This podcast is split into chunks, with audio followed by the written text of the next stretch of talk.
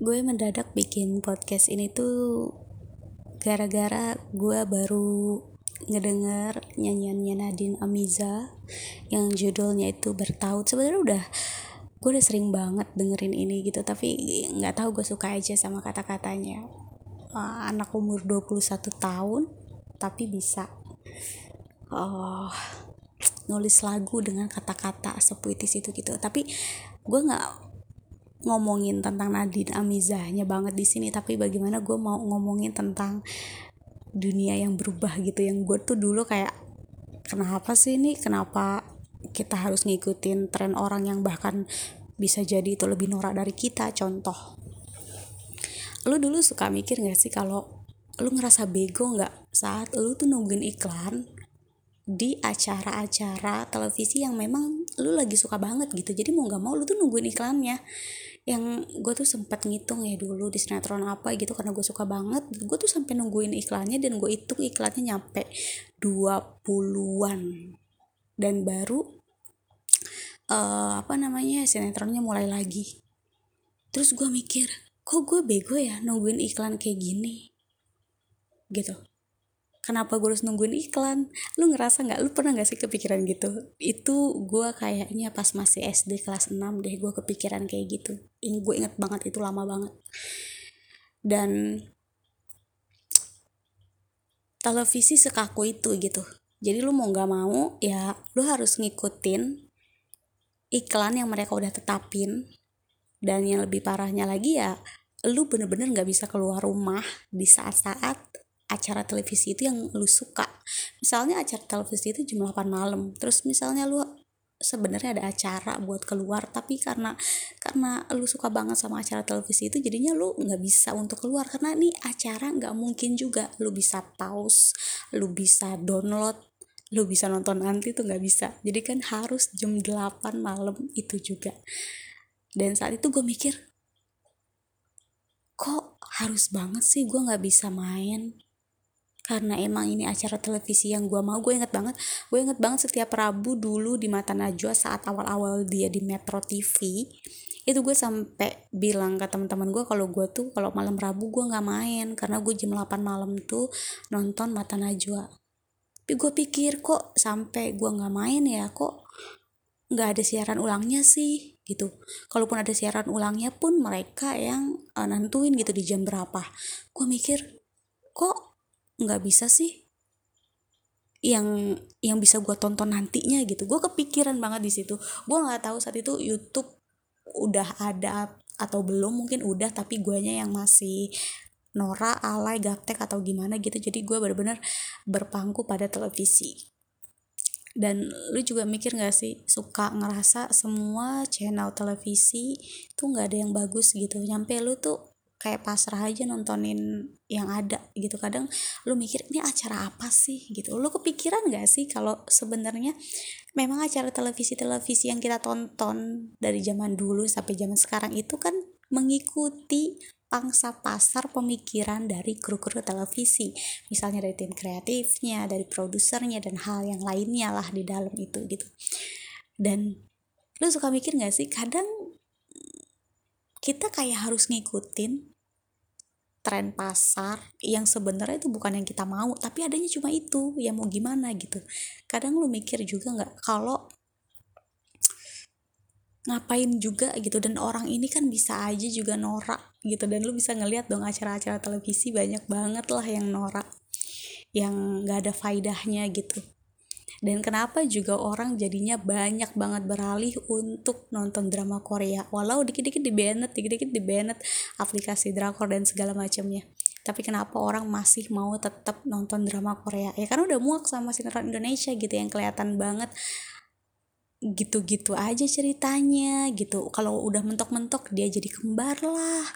Kalau udah acaranya mentok-mentok pemeran utamanya tahu-tahu mati lah terus hidup lagi. Lu pasti ngerasa kayak apaan sih? Gitu kan. Dan nggak mungkin juga kan sebuah cerita itu bisa tetap bagus bisa tetap menarik menghibur menegangkan sampai episode nyampe berapa ratus mana mungkin gitu loh mana mungkin. Jadi pasti lu udah juga mikir pada akhirnya sinetron Indonesia itu nantinya akan segimanapun awalnya sinetron itu bagus banget yang nonton banyak banget pada akhirnya sinetron itu jadi nggak ada nilainya. Karena di akhir-akhirnya memang sinetron itu ditinggalkan oleh penontonnya. Jadi penontonnya tuh nggak ada rasa memiliki sinetron itu tuh emang yang dia mau yang dia suka dan yang dia selalu ingat gitu. Karena udah terlalu muak sama akhir ceritanya. Beda sama drama Korea yang biasanya pasti 16 episode secara umum gitu. Lu mau suka nggak suka lu mau itu lagi seru-serunya ya udah selesai di 16 episode. Jadi lu pasti akan lebih ngena gitu untuk gue nginget banget nih drama ini tuh bagus banget. Nah itu masalah tadi televisi dan juga YouTube. Di masalah musik juga gue inget banget uh, Raisa seorang Raisa ternyata dulunya itu ditolak sama label. Uh, saat itu dia jadi salah satu ini deh. Jadi salah satu vokalis di band Viera malah kayaknya dia yang vokalisnya deh. Uh, kayaknya iya ya pokoknya Raisa itu sampai ditolak sama label Raisa dan Viera ya saat itu.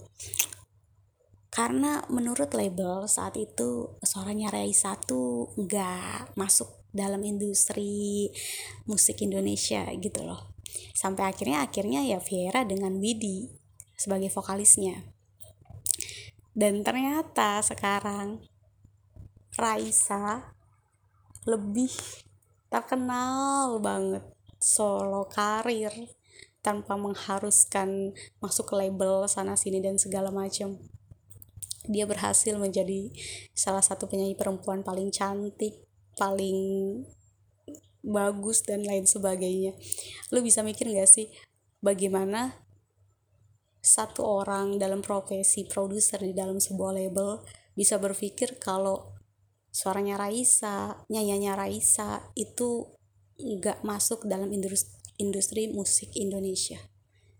Kenapa kenapa bisa seyakin itu gitu? Kenapa kenapa aduh gue sampai nggak bisa ngomong ya saking kenapa lu kaku banget jadi orang main kayak gitu loh karena tulus pun seorang tulus pun berhasil mendirikan labelnya sendiri saking dia keselnya nih ya saking tulus keselnya ditolak-tolak terus setiap dia kasih lagu dia ke label-label dibilangnya aduh suara kamu aduh uh, nyanyian kamu tuh nggak masuk nggak masuk uh, pangsa pasar musik di Indonesia tuh nggak masuk. Ternyata apa? Ternyata banyak banget orang yang suka dong sama lagunya Tulus. Ya maksudnya nggak semua orang juga kan bisa disamaratain dengan telinga seorang produser label.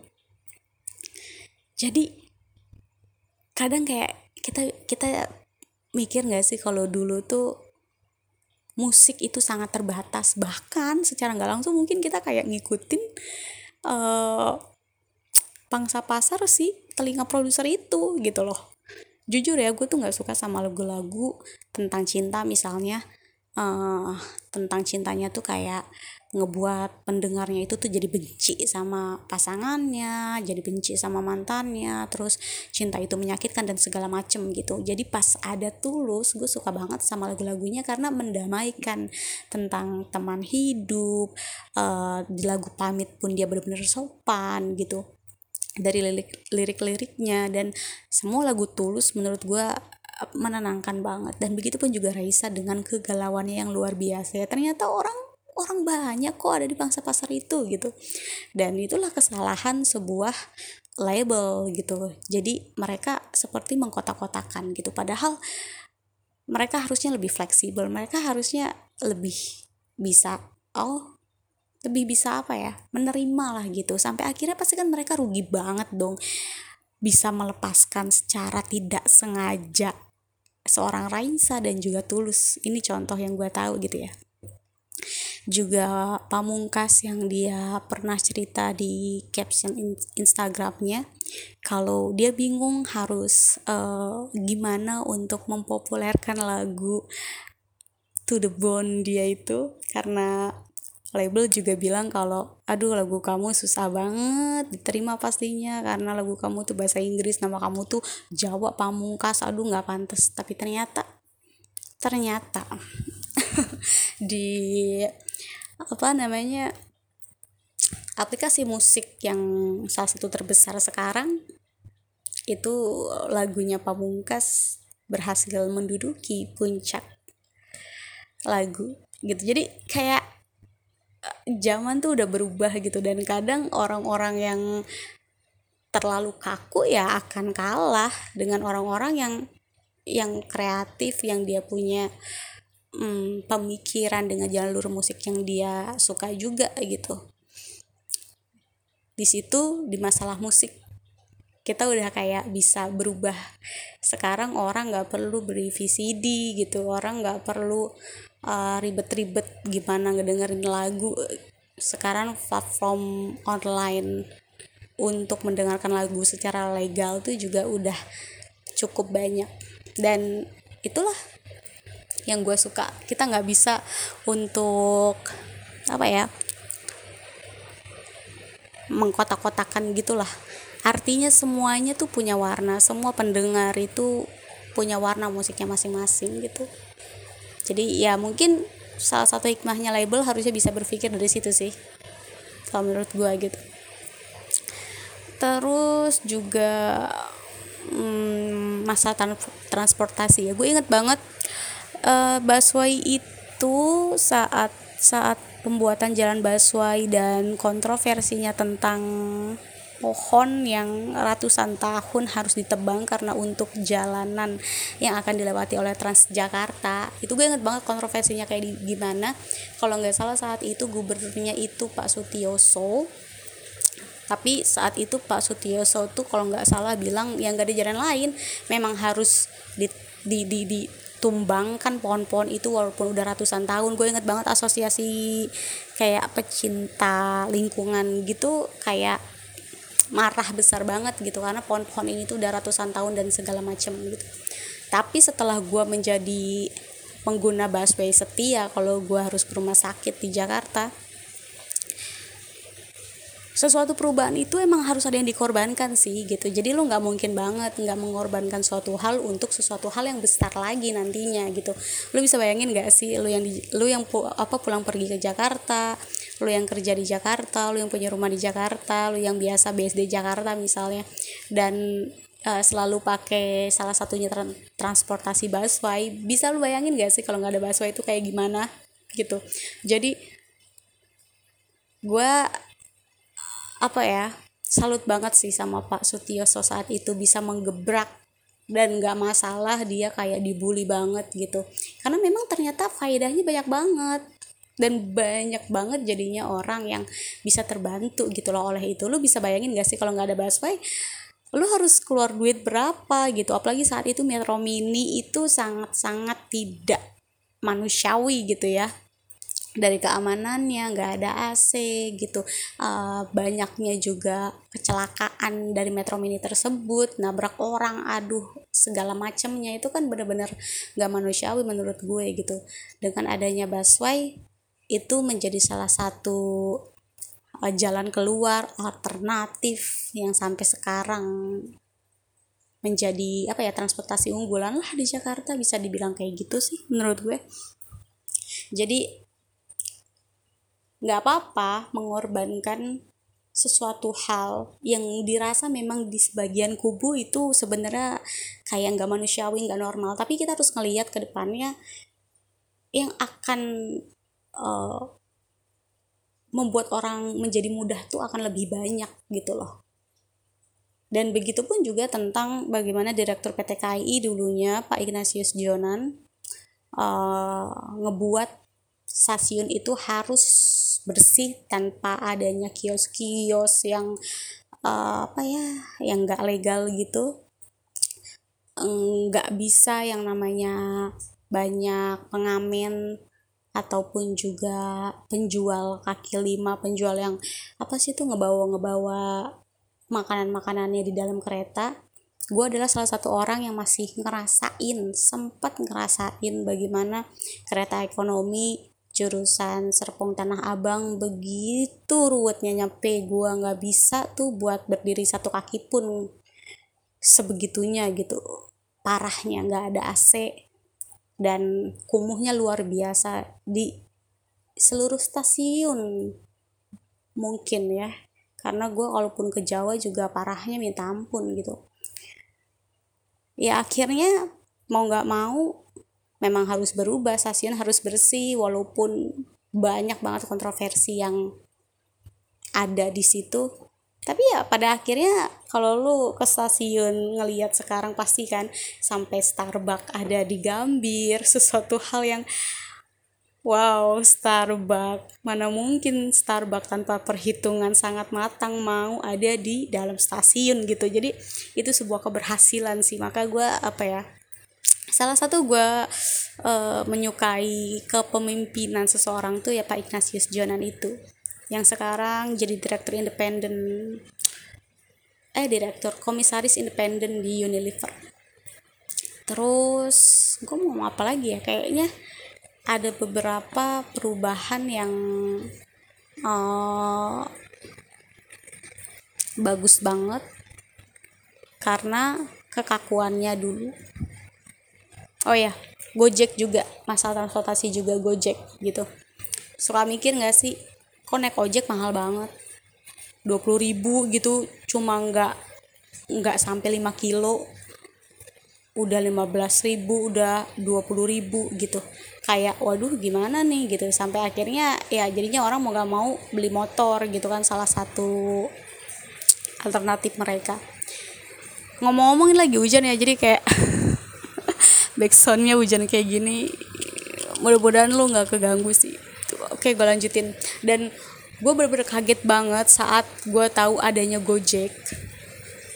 Aplikasi Gojek lu bisa naik motor orang lain dengan ketentuan harga dan lu udah tahu nama orangnya yang jadi supir lu siapa dengan plat nomornya.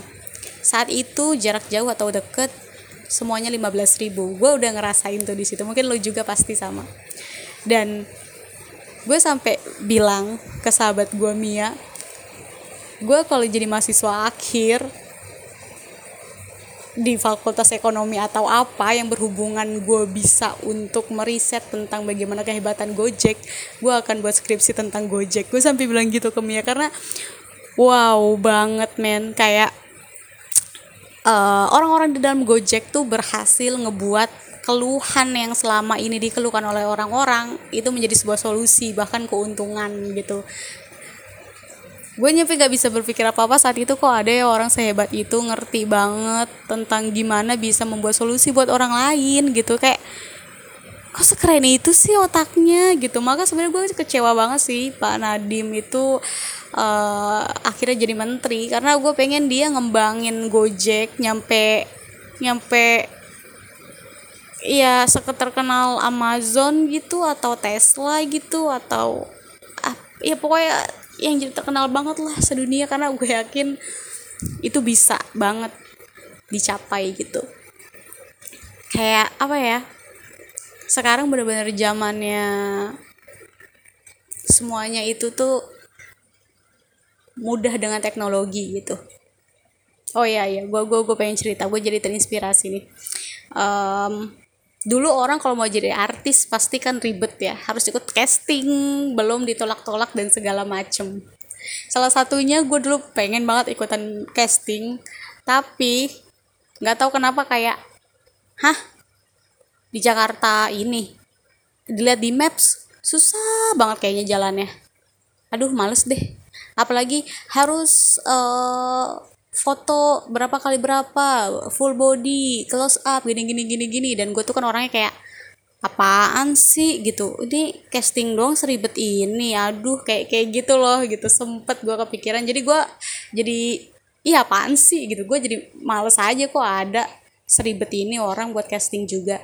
Dan akhirnya lu bisa lihat ya orang-orang tanpa casting orang-orang tanpa harus ditolak sama direktur casting itu.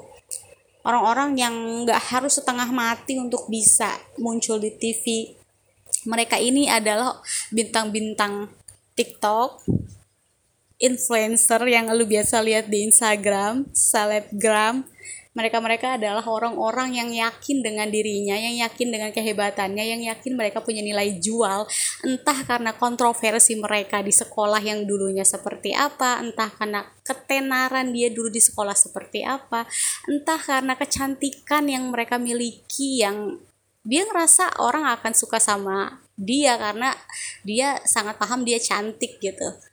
Atau dengan kekayaannya atau dengan fashionnya yang keren dengan bakatnya yang orang udah banyak tahu.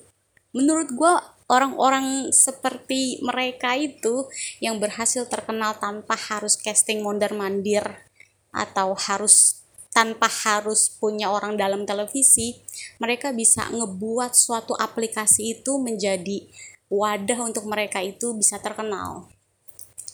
Aukarin gue suka banget sama apa ya hmm, pemikirannya. Mungkin lu banyak yang nggak terlalu suka sama dia karena kontroversi dan lain sebagainya. Tapi menurut gue dia adalah salah satu orang yang cerdas banget cara pemikirannya. Dia tahu dia kontroversi dan kenapa kontroversi itu tidak dibuat keuntungan? Akhirnya dia buatlah keuntungan itu dari Instagram dan dia tahu bahwa akan banyak orang yang akan penasaran sama dia gitu dan ternyata berhasil dia jadi terkenal di Instagram menjadi selebgram influencer dan segala macam juga artis-artis TikTok yang saudara gue ngasih tahu ke gue salah satu artis TikTok nih katanya lihat deh teh gitu. Dan setelah gue lihat akun IG-nya wah ternyata ratusan ribu pengikutnya. Mereka udah bisa cari uang sendiri gitu loh mereka bisa berekspresi semau-mau mereka. Itu keren banget sih menurut gue mereka pinter banget dong. Gue nggak uh, bilang kalau ah itu kayak gini kayak gini. Nggak gue harus mengaku emang mereka itu pinter banget gitu. Bahkan gue ngerasa iri gitu. Begitupun juga dengan youtuber. Menurut gue ya mereka ini sama-sama profesi yang ya ampun keren banget gitu loh. Mereka nggak perlu harus menembus tembok kaku televisi itu yang kamu nggak boleh gini kamu tuh nggak cocok deh kalau jadi talent di acara ini acara ini. Contoh mungkin lu pasti udah tahu tentang uh, youtuber Ria SW dia pinter banget gitu loh. Dia dia dia nggak butuh sarana televisi gitu. Dia hanya bener-bener bisa membuat konten jalan-jalan dia makan di luar negeri street food dan segala macem. Pengorbanan dia hanya harus mengeluarkan uang lebih banyak. Dan ternyata itu berhasil dengan modal begitu pun gitu loh orang-orang ternyata suka gitu. Semua videonya sampai sekarang nggak ada yang di bawah satu juta penontonnya. Jadi minim bahkan nggak ada yang satu juta kali ya dua juta lah minimal kalau dilihat-lihat dari sekarang di video-video satu tahun atau dua tahun yang lalu dia upload. Bahkan udah ada video dalam satu video itu ada yang 15 juta penonton itu udah ada. Maksudnya adalah orang ini pinter banget gitu loh. Dia hanya butuh sarana prasarana dalam bentuk YouTube. Dan akhirnya dia bisa meraup keuntungan puluhan juta rupiah. Kayak, kayak ya ampun. Keren banget gitu. Gue rasa nggak ada lah saat-saatnya orang tuh insecure. Orang ngerasa dia nggak hebat gitu. Orang ngerasa dia hanya meratapi nasibnya. Semuanya tuh bisa hebat sekarang setelah lu deh mau jalannya kayak gimana gitu lu ngerasa suara lu bagus atau lu ngerasa suara lu lumayan aja percayalah di luar sana kan banyak banget mungkin orang yang akan suka sama suara lu gitu jadi coba lo untuk mengekspresikan itu ke dalam uh, teknologi-teknologi yang sekarang sudah disediakan gitu loh. Lu tinggal upload dan segala macam udah selesai gitu. Bahkan podcast ini pun dan podcast artis-artis lain pun sekarang orang-orang kayak kita juga bisa buat sesuatu yang menurut kita kita mau gitu. Kita nggak perlu buat podcast itu harus masuk televisi. Jadi inti dari pembicaraan ini tuh dunia itu udah benar-benar berubah. Yang kaku itu udah nggak ada lagi semuanya sangat fleksibel. Semuanya bisa untuk menjadi hebat di jalurnya masing-masing.